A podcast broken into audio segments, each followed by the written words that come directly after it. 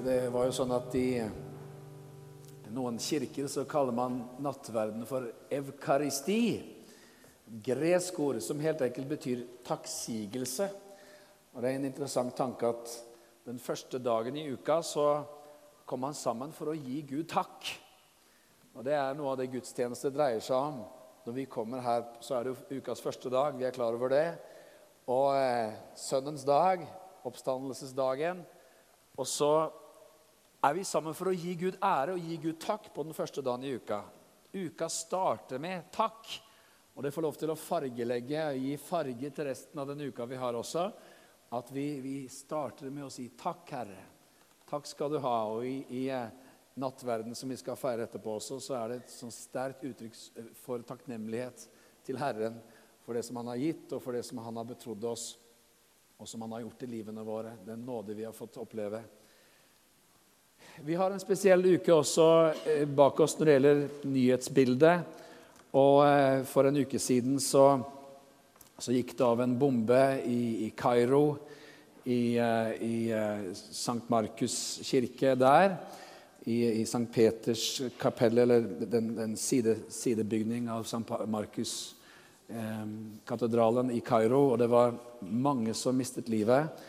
Eh, mange kvinner, mange barn og forferdelig nød som, som, som, de kristne i Egypt opplever. Og, og, Det er en veldig spesiell situasjon som vi kjenner til også fra nyhetsbildet med de kristne i Midtøsten. Eh, det er mange som, som flykter fra Midtøsten. Og, det er klart at Når vi tenker på Midtøsten, så er vi lett for å tenke islam. Eh, Midtøsten er lik muslimsk.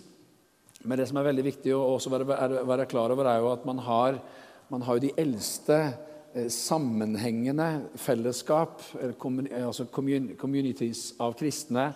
Noe sted i verden har man jo i, i Midtøsten. Man har, man har, kirker som har eh, hatt sammenhengende gudstjeneste i, i, ja, siden Jesu tid, egentlig. For så har man i Irak så har man jo fortsatt folk som snakker arameisk. Eh, syriakiske kristne som, som, snakker arameisk, og som er det språket som, som Jesus talte. Det var jo hebreisk som var skriftspråk, men det var arameisk som var dagligtale. Så hvis du har sett uh, den, uh, The Passion of the Christ, filmen av, av Gibson, så, så, så, så, har han lagt vind på at de taler arameisk, et, et stor, i stor grad utdødd språk, men det fins i lommer i Midtøsten fortsatt. Og Det er viktig at vi ber for dem. Det er viktig at vi, at vi uh, takker Gud for dem og, og ber for dem.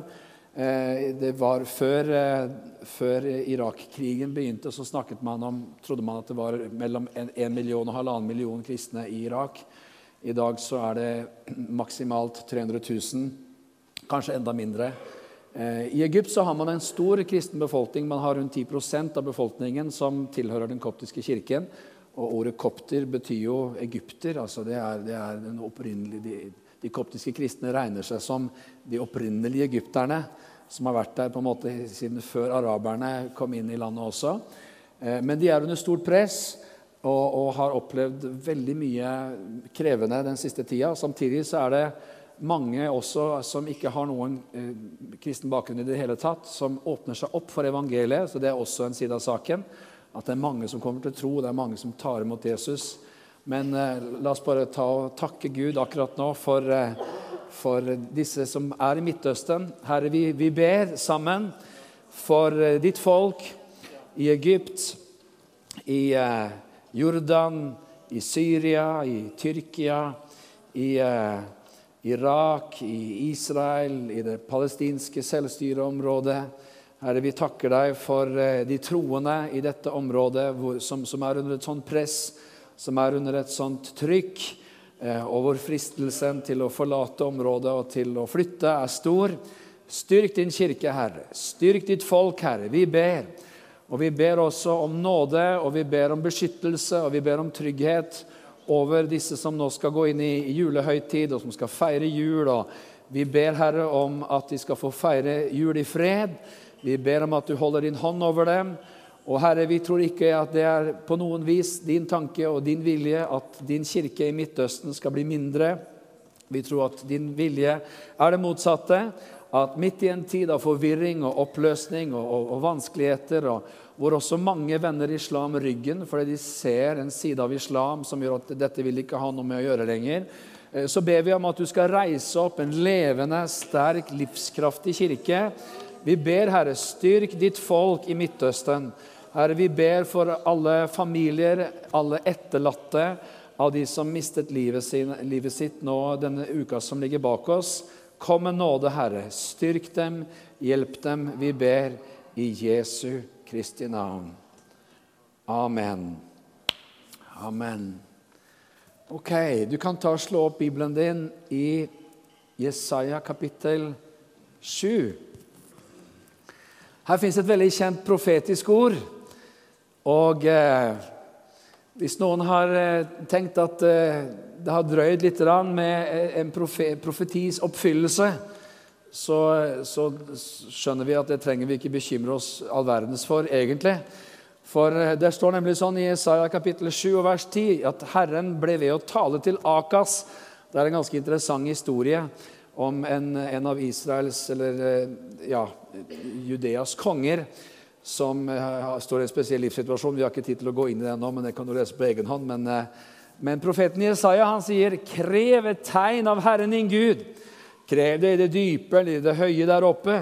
Men Akas svarte, 'Jeg vil ikke kreve noe og ikke friste Herren.' Da sa profeten, 'Hør da, dere av Davids hus.' Er det for lite for dere å trette mennesker, siden dere også tretter min Gud? Derfor skal Herren selv gi dere et tegn. Se, jomfruen skal bli med barn, hun skal føde en sønn, og gi ham navnet Emanuel, som betyr Gud med oss. Ok, Hvor lang tid tar det før dette tegnet blir oppfylt? Hvor lang tid tar det før dette profetiske ordet blir oppfylt? Jo, omtrent 600 år. Kan det være at noen fikk et profetisk ord eller hørte et profetisk ord og tenker ja, ja, det har jo, det har jo gått både én og to og tre år nå, så jeg vet liksom ikke om jeg tror så veldig på dette her lenger. Du har god tid, søster. Du har god tid, bror. Det, det, du vet at vi, vi det er litt interessant det her når vi små mennesker skal ha å gjøre med den Gud som sier at én dag er som 1000 år. Det, det er liksom, så liksom 600 år det er sånn litt over en halv dag. ikke sant? Det, det, er, det er egentlig veldig snart at det her går i oppfyllelse. Himmelen driver og forbereder seg. jo.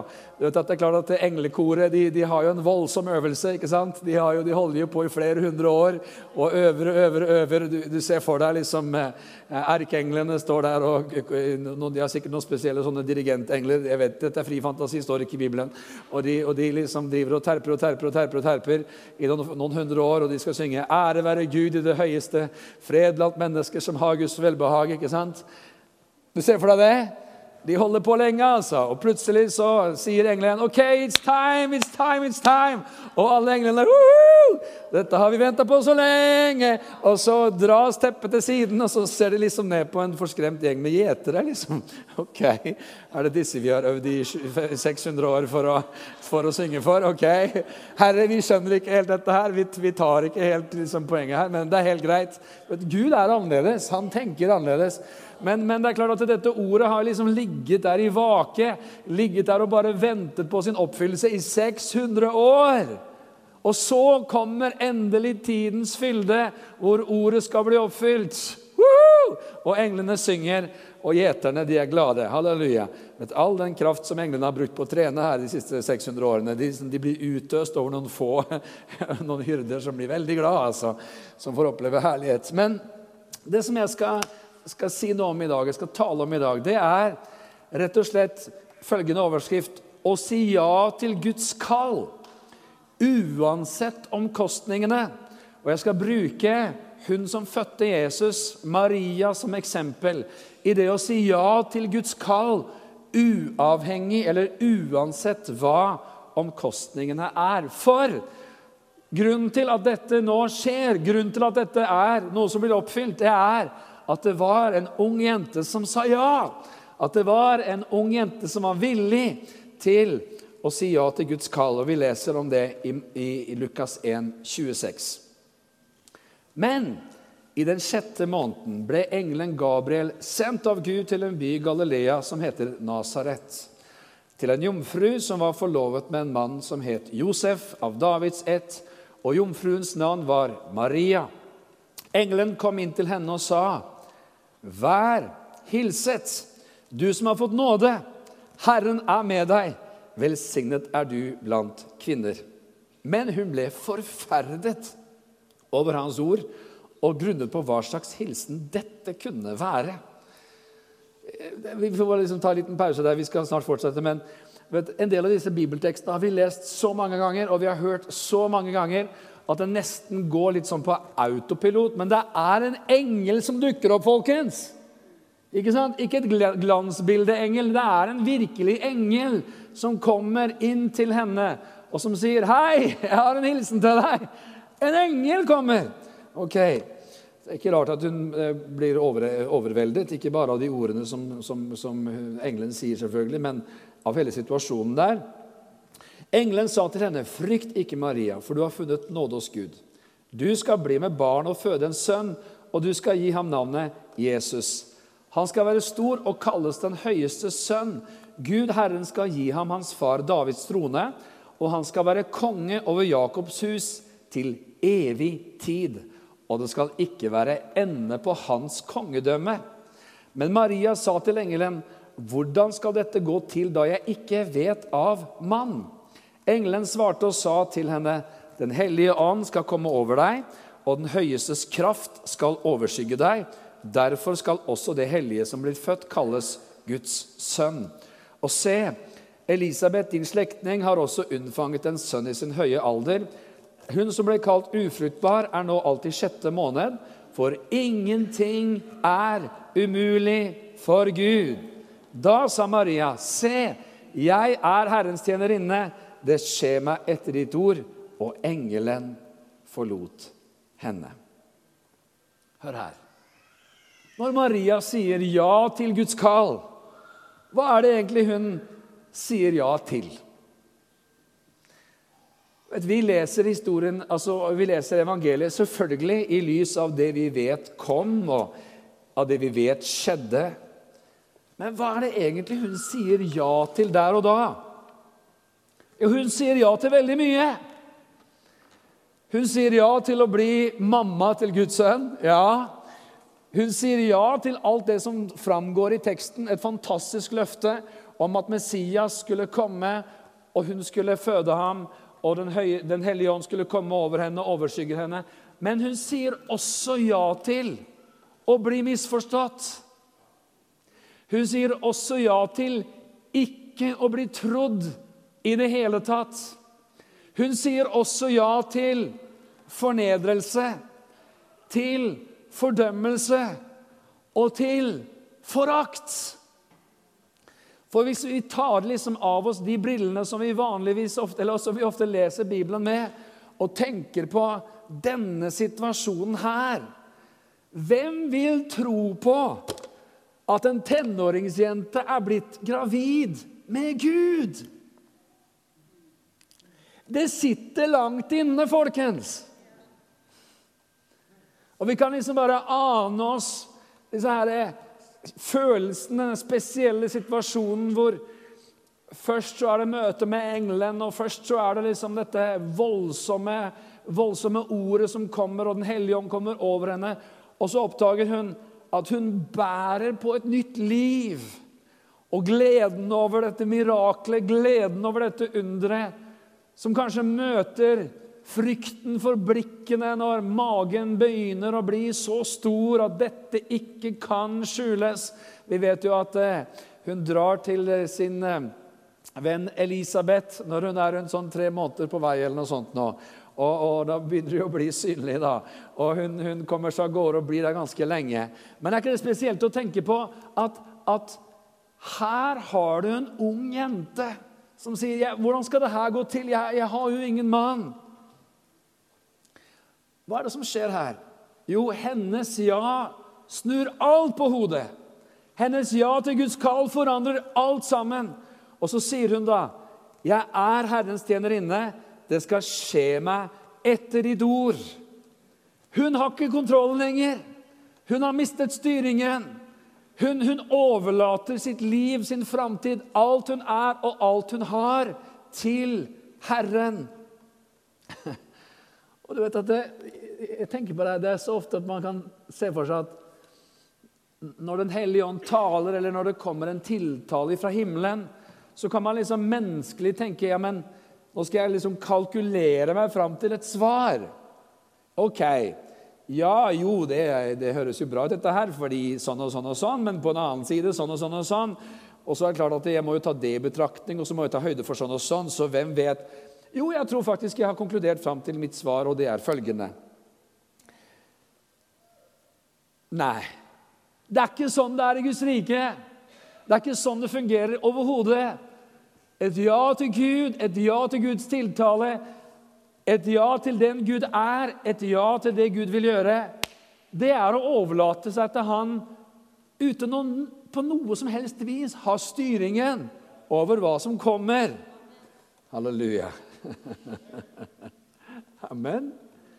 Så kan man jo bare se for seg da, at denne Maria, som er forlovet med Josef, skal komme og fortelle til denne hedersmannen Jeg er gravid, Josef. Hvilke tanker farer igjennom den mannen sin? Hvilke brustne drømmer? Hvilken sorg, hvilken smerte, hvilken fortvilelse? Ja, men sa han ikke bare 'OK'? Wow, wow, en engel kom til deg. OK, fantastisk. Nei, Bibelen er sparsom med detaljer, men vi ser allikevel i Matteus at det her var ikke lett. Tvert imot, det oppstår en fullstendig krise. Det står nemlig i Matteus 1, vers 18. Med Jesu Kristi fødsel gikk det slik, slik til. Matteus 1 og det 18. verset. Med Jesu Kristi fødsel gikk det slik til. Hans mor Maria var forlovet med Josef. Men før de var kommet sammen, viste det seg at hun var med barn ved Den hellige ånd. Josef, hennes mann, var rettferdig og ville ikke føre skam over henne. Han ville skille seg fra henne i stillhet. Dette var skandale. Det her Vi, vi, vi som kjenner liksom Mosebøkene, og vi som kjenner evangelienes verden Hva var det som skjedde f.eks. med Jesus, som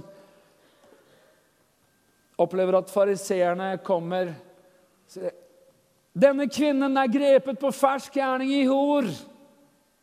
Hun fortjener å steines. Og Jesus svarer at den som er uten synd, kan kaste den første steinen.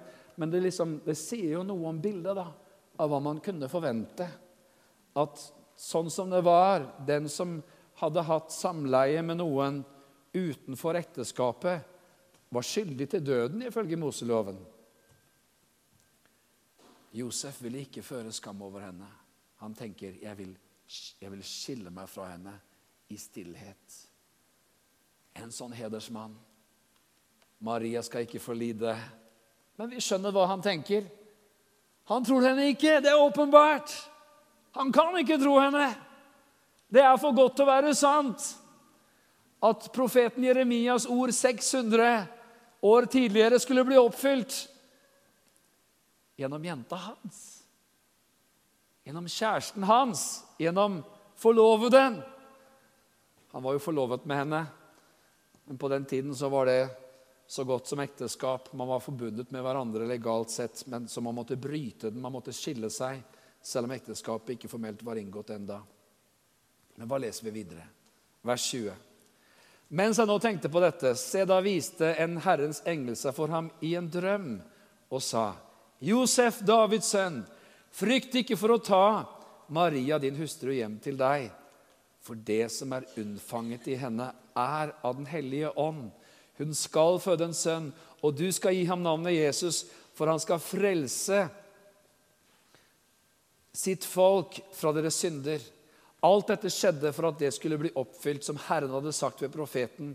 Se, jomfruen skal bli med barn og føde en sønn og de skal gi ham navnet Emanuel. Det betyr 'med oss er Gud'. Da Josef var våknet av søvnen, gjorde han som Herrens engel hadde pålagt ham, og han førte sin hustru hjem til seg.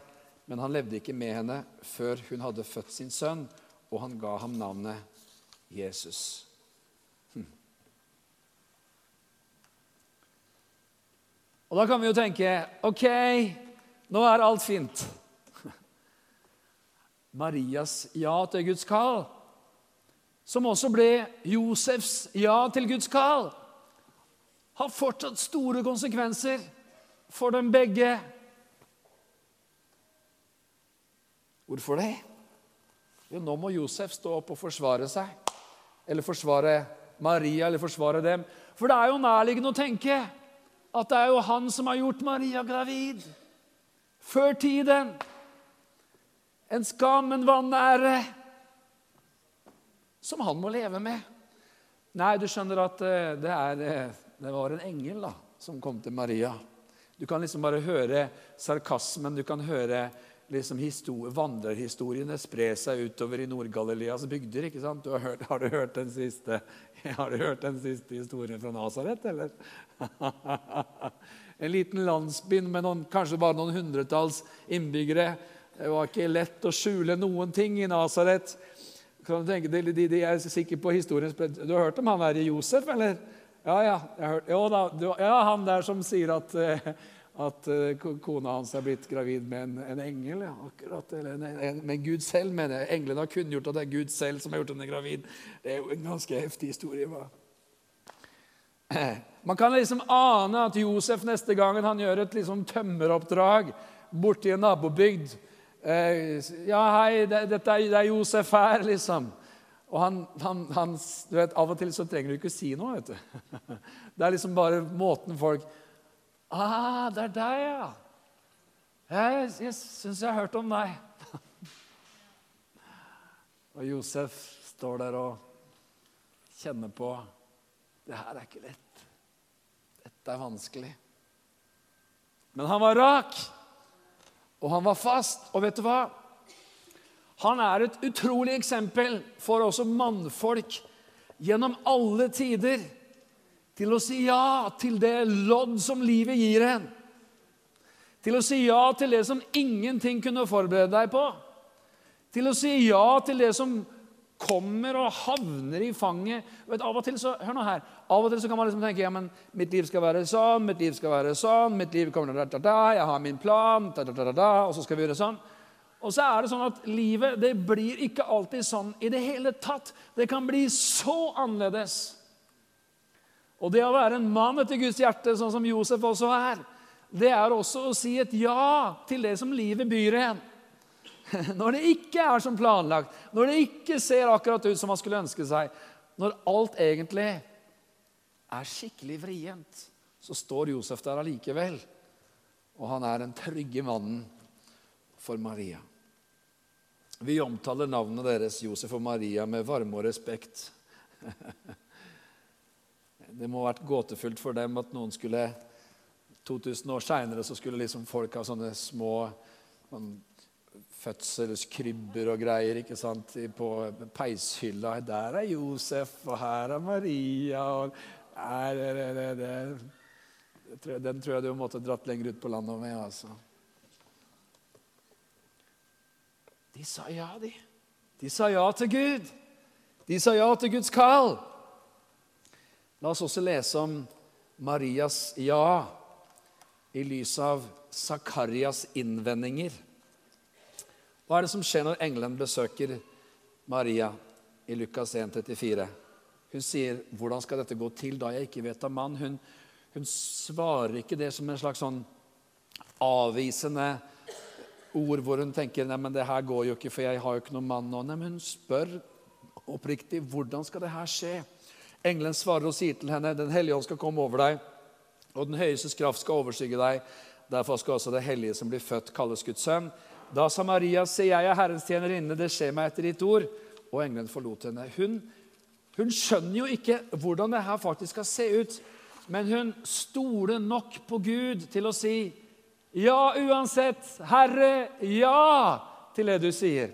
Og Så ser man da kontrasten i Lukas 1, noen vers lenger opp. Så leser vi om Zakaria. Han som er en prest, han som står og gjør tjeneste innenfor røykofferalteret. Da viste en Herrens engel seg for ham. Han sto på høyre side av røykofferalteret, sier vers 11 i Lukas 1. Zakaria sier videre at han, det så videre om Zakaria. Han ble forferdet da han så ham, og frykt falt på ham. Men engelen sa til ham, 'Frykt ikke, Zakaria, for din bønn er hørt.' 'Din hustru Elisabeth skal føde deg en sønn, og du skal gi ham navnet Johannes.'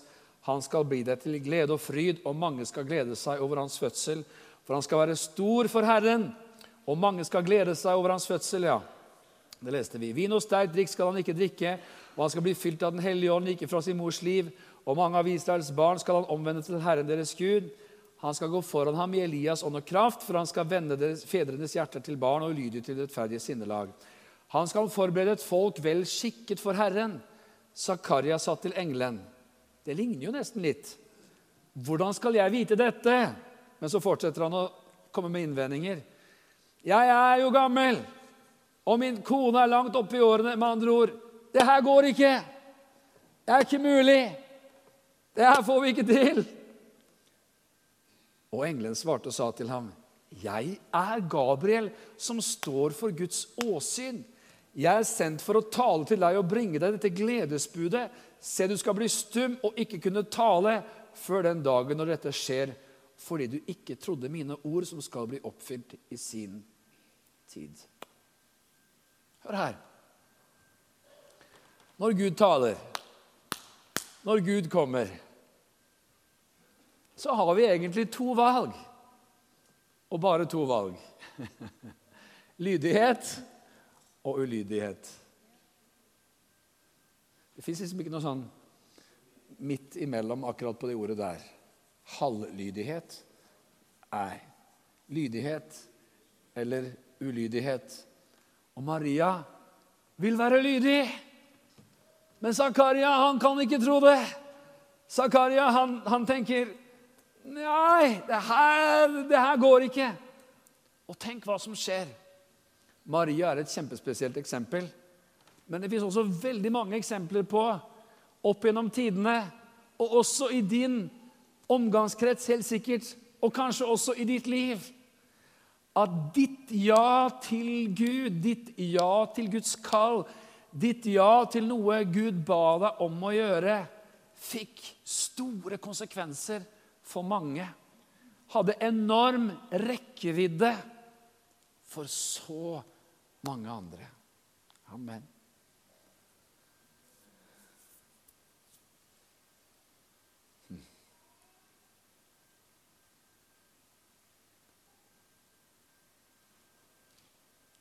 Det er fascinerende å lese om berettelser om misjonærer som kjente Guds kall, og som dro ut et sted og jobbet i 20 år før de så én vende seg til Jesus.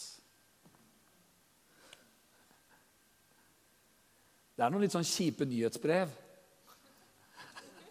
de første 19 årene. Da.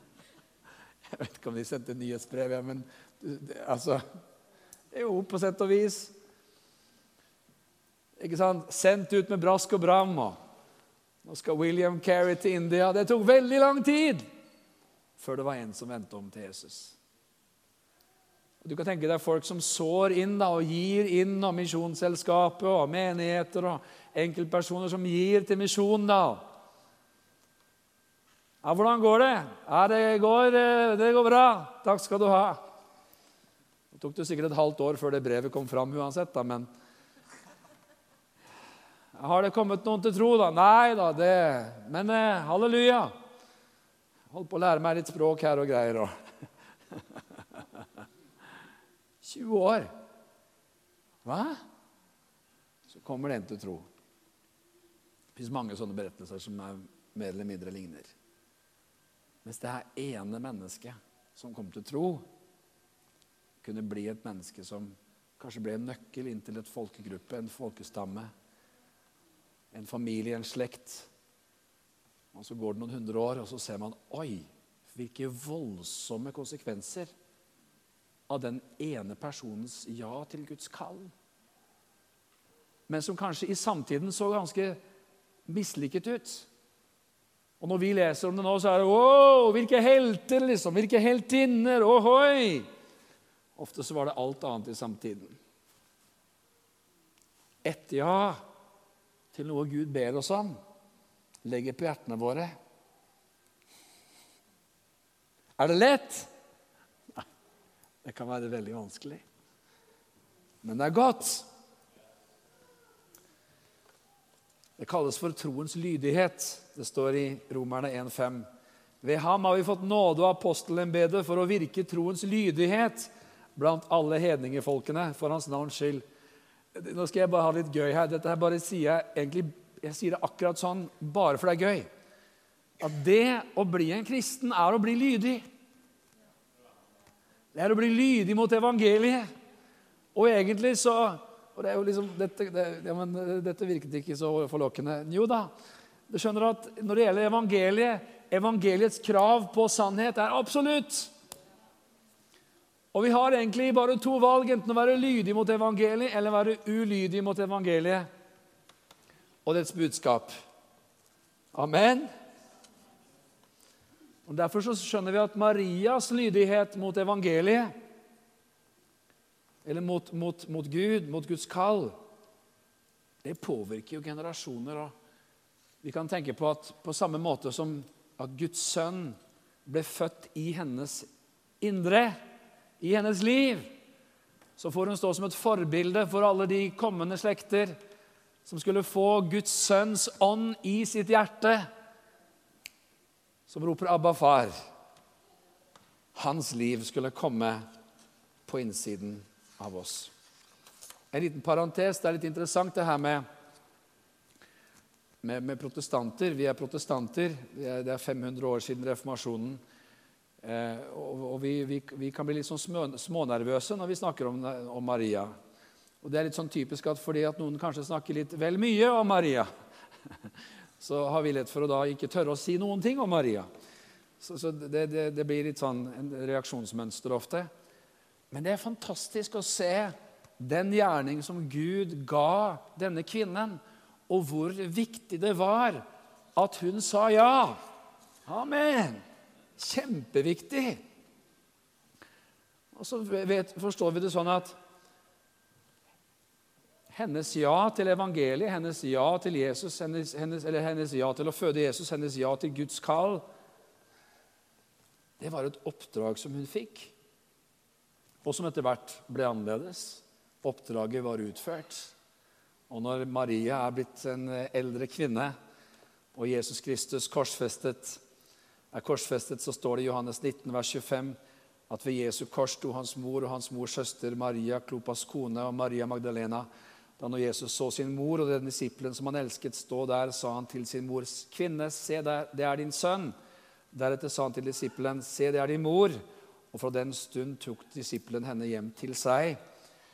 Her skjønner man at Maria er blitt en eldre kvinne som nå trenger at noen tar hånd om henne og tar omsorg for henne. Når hennes sønn korsfestet, blir korsfestet og siden begraves og farer opp til himmelen. Og Det interessante det er at når man leser litt videre i den første kristne historien og ser apostlenes gjerningen 1, så ser man at i, på øvresalen i Apostlenes gjerninger 1.13 så står det om at alle disiplene var der. Eh, og så står det i vers 14.: Alle disse holdt sammen og var utholdende i bønnen, sammen med noen kvinner og Maria, Jesu mor og hans brødre. Og så leser vi videre i kapittel 2 at de var alle til stede, de ba alle sammen, og de ble alle fylt av Den hellige ånd. Maria trengte å bli fylt med Den hellige ånd, sånn som alle andre. Maria trengte å ta imot Guds nåde og den åndsfylden, slik som alle andre troende. Så, så, når noen tenker at hun, hun, eh, Ja, Maria kan på en måte få en slags sånn overopphøyet situasjon eller overhøyt, overopphøyet posisjon, så er det ikke det vi snakker om. Nei, vi snakker om et herlig ja til Guds kall. Et herlig ja til Guds oppdrag. Som vi er så takknemlige for, og som taler til oss om å være villig til å lyde Gud uavhengig av kostnadene og konsekvensene. Amen. Til sist det å få et kall er å få nåde til noe. Det står i Lukas 1, 28, Engelen kom inn til henne og sa, 'Vær hilset, du som har fått nåde. Herren er med deg, velsignet er du blant kvinner. Den som har fått nåde. Det er med andre ord ikke sånn at det er enkelt. Det kan være veldig vanskelig, men det fins en nåde som ledsager lydighet mot Guds kall. Alltid! Halleluja. Kan du huske en sånn gammel søndagsskolesang? Når han styrer båten, så går det så bra. På veien til himmelens land Det var noen som hørte hørt den her. Når han styrer båten, så går det så bra. På veien til himmelens land. Hei! Den er mye dypere enn vi ofte tenker. tenker for Hvis han styrer båten, så er det jo han som har roret, da! Yay! Eller kanskje det er en skikkelig speedbåt med ratt. Det er han som har rattet. Det er han som har styringa. Hva er det som skjer hvis det er to hender på rattet? Altså to, Hvis det er dine egne, så er det noe greit, da. Men, eh, men, men liksom, hvis, hvis, hvis, noen Ja, jeg må ikke kjøre sånn! Jeg, du, du liksom tar og stikker hånda di og liksom hjelper litt til. Det blir ikke så bra!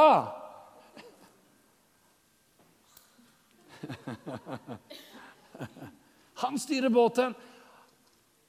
Det å lyde Gud er jo å si at 'Herre, du får det alt sammen'. Du får ta over. Du får ta styringen. Halleluja. Jesus, her er jeg, send Han.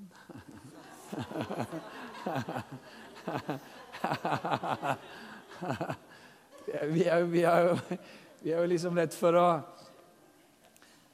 liksom skyve greier som er litt ubehagelige, til siden. hva? Ikke sant? Men Maria er et herlig forbilde i det å overlate seg til Jesus. Og så klart at Når vi bruker sånne bilder som dette, her, så blir det litt voldsomt, blir det litt heftig. At man kan liksom tenke Oi, oi, oi, oi liksom, ja, men Maria og hun hadde en sentral plass i den kristne historien. og ja, men det er, Hvordan i alle dager eh, Eh, kan dette tilegnes i mitt liv? Liksom, hva, hva er nå dette? Jeg tror vi møter sånt hele tiden. Ja. Det kan være så enkelt som å ta ansvar for noen som har kommet til tro på Jesus. Hun har blitt en troende. Kan du sørge for at eh, hun får en stabil tyngde og kraft i sitt liv fordi du underviser henne? om hvordan du skal følge Jesus og vise denne veien og ta personlig ansvar for at så skjer. Oi, det er ho-ha. Altså. Kan du lede en house church, eller kan du være en house church-assistent som leder disse tre her? Ja, men Timeplanen min og dagen og uka og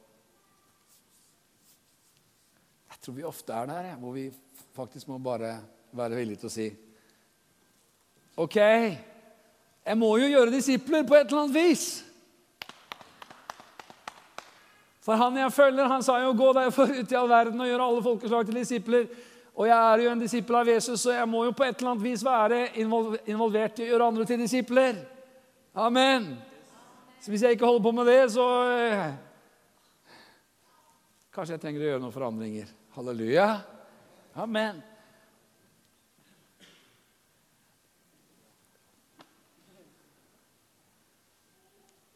Vet, nå marsjerte det en gjeng ut der i stad for å undervise de minste. Og det er så vakkert at det er noen som underviser dem hver uke. Halleluja. Ja, men jeg, jeg, har ikke så veldig sånn grep på dette med barn og sånt. Jeg. Jo da. Du har vært barn, har du ikke? Jeg ble født veldig moden. Ja, det er mulig, men Jeg tror ikke at du trenger noe veldig kald for å holde på med det jeg sier nå. altså. Men det er bare et forsøk på å eksemplifisere at jeg tror vi ofte kan oppleve på ulike måter. At vi, vi, vi får muligheter, eller vi ser et behov. Ikke fordi noen spør oss, men vi, så, så, kan man kjenne liksom at ja, men det her det å ta et initiativ, det å gjøre noe, det å åpne hjemmet sitt, eller det å Det å si, 'Herre, dette er jeg villig til. Dette gjør jeg gjerne.' Amen. Hva er rekkevidden av det? I have no idea. Jeg satt på en um, benk i en uh, frikirkebygg i Randesund utenfor Kristiansand. Kristiansand. Kristiansand, viktig. Så var det en jeg kjente godt, som prekte, som het Åge Åleskjær. Så midt inni prekena så, så er det akkurat som han stopper opp litt, og så peker han ut i salen og så sier han, det sitter noen her akkurat nå som Gud kaller til å starte en ny menighet, og du må lyde Gud. Og du vet akkurat hva det er jeg forteller om, fordi du opplever det samme nå som jeg opplevde sånn og sånn og sånn. Og Der satt jeg intetanende. Jeg hadde ikke tenkt å dra på den konferansen engang. Jeg hadde ikke meldt meg på til tiden engang. Jeg hadde ikke noe lyst til å dra på den konferansen engang, for jeg var så lykkelig som evangelist. Og jeg takket Gud for at jeg aldri skulle bli pastor. Oh, glory to God in the highest. Ba for alle pastorer og takket Gud for dem. Og priste meg Gud salig for at ikke jeg var en av de. Halleluja. Det var herlig å være evangelist og liksom reise rundt omkring og ha kampanjer og møter og liksom brenne løs til høyre og venstre. Oi, så herlig. Plutselig så kommer Den hellige ånd over meg. Veldig kraftig. Så kraftig at jeg tenkte Oi, det å si ja til det her, det er jo å miste fullstendig kontrollen. Og jeg hørte at Den hellige ånd sa 'start en ny menighet i Oslo'. I Oslo? Menighet? Jeg? Kom hjem og sa det til Anne. Du aner ikke hva jeg opplevde der nede på den konferansen. Og Annes første respons var 'Jeg skal be for deg, broder'. hun hadde ikke vært med i noen annen menighet enn den menigheten hun var en del av siden hun ble frelst. og Hun hadde ikke noen planer om å bli med på det prosjektet. Men jeg skal be for deg, broder. Takk for den oppmuntringen!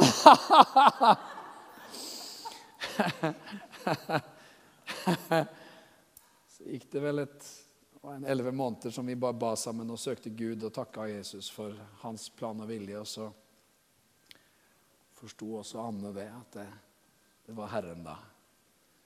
Og så sa vi at Herre, hvis vi skal gjøre dette her Vi skjønner jo at vi skal det, men da må du fortelle det til våre egne pastorer. Du må si det til dem på forhånd. Og det gjorde hun. Når vi kom for å ta en prat, så hadde Den hellige ånd sagt til, dem allerede hva det var vi skulle snakke med dem om. Og De sendte oss ut og tok opp en kollekt til oss og velsignet oss. Og prekte på vårt første innvielsesmøte og innsatte oss som pastor og sa Gud velsigne dere. Vi heier på dere. Dette er bra. Halleluja. Og så Og så kan man få noen herlige profetiske ord og hilsener underveis. Og når man får profetiske ord og hilsener, så kan man bli veldig glad. Åh, Gud talte! Og så hender det etter hvert at man kanskje skjønner at det var en grunn for at man fikk de oppmuntringene, for man trengte de. Man trengte å holde fast. Sant? I går så gikk vi en, var ute i byen her i går, og vi gikk en tur eh, forbi det gamle Jesushuset i Kongens gate 1. Noen som husker det? Noen som var der? Så nå rommer et stilig arkitektkontor.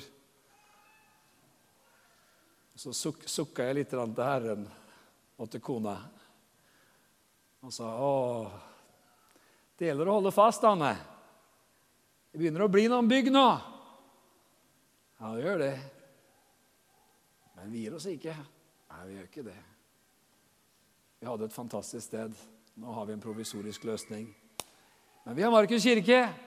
Halleluja. Tenk så lang tid det tok før vi kom inn her. Lang tid. Nå har vi bare vært der i to og et halvt, snart tre år. Og vi er liksom bare helt, helt, helt, helt, helt i begynnelsen på alt det Gud vil gjøre. Han kommer til å gjøre så mange herlige ting. Han kommer til å gjøre så mange sterke ting. Og vi har opplevd på bønnemøter hvor han har kommet og talt profetisk, og det er akkurat som vi må ta et steg til side og tenke i alle dager Skal jeg velge å tro det? Tør jeg tro det? Ja, jeg tør å tro det.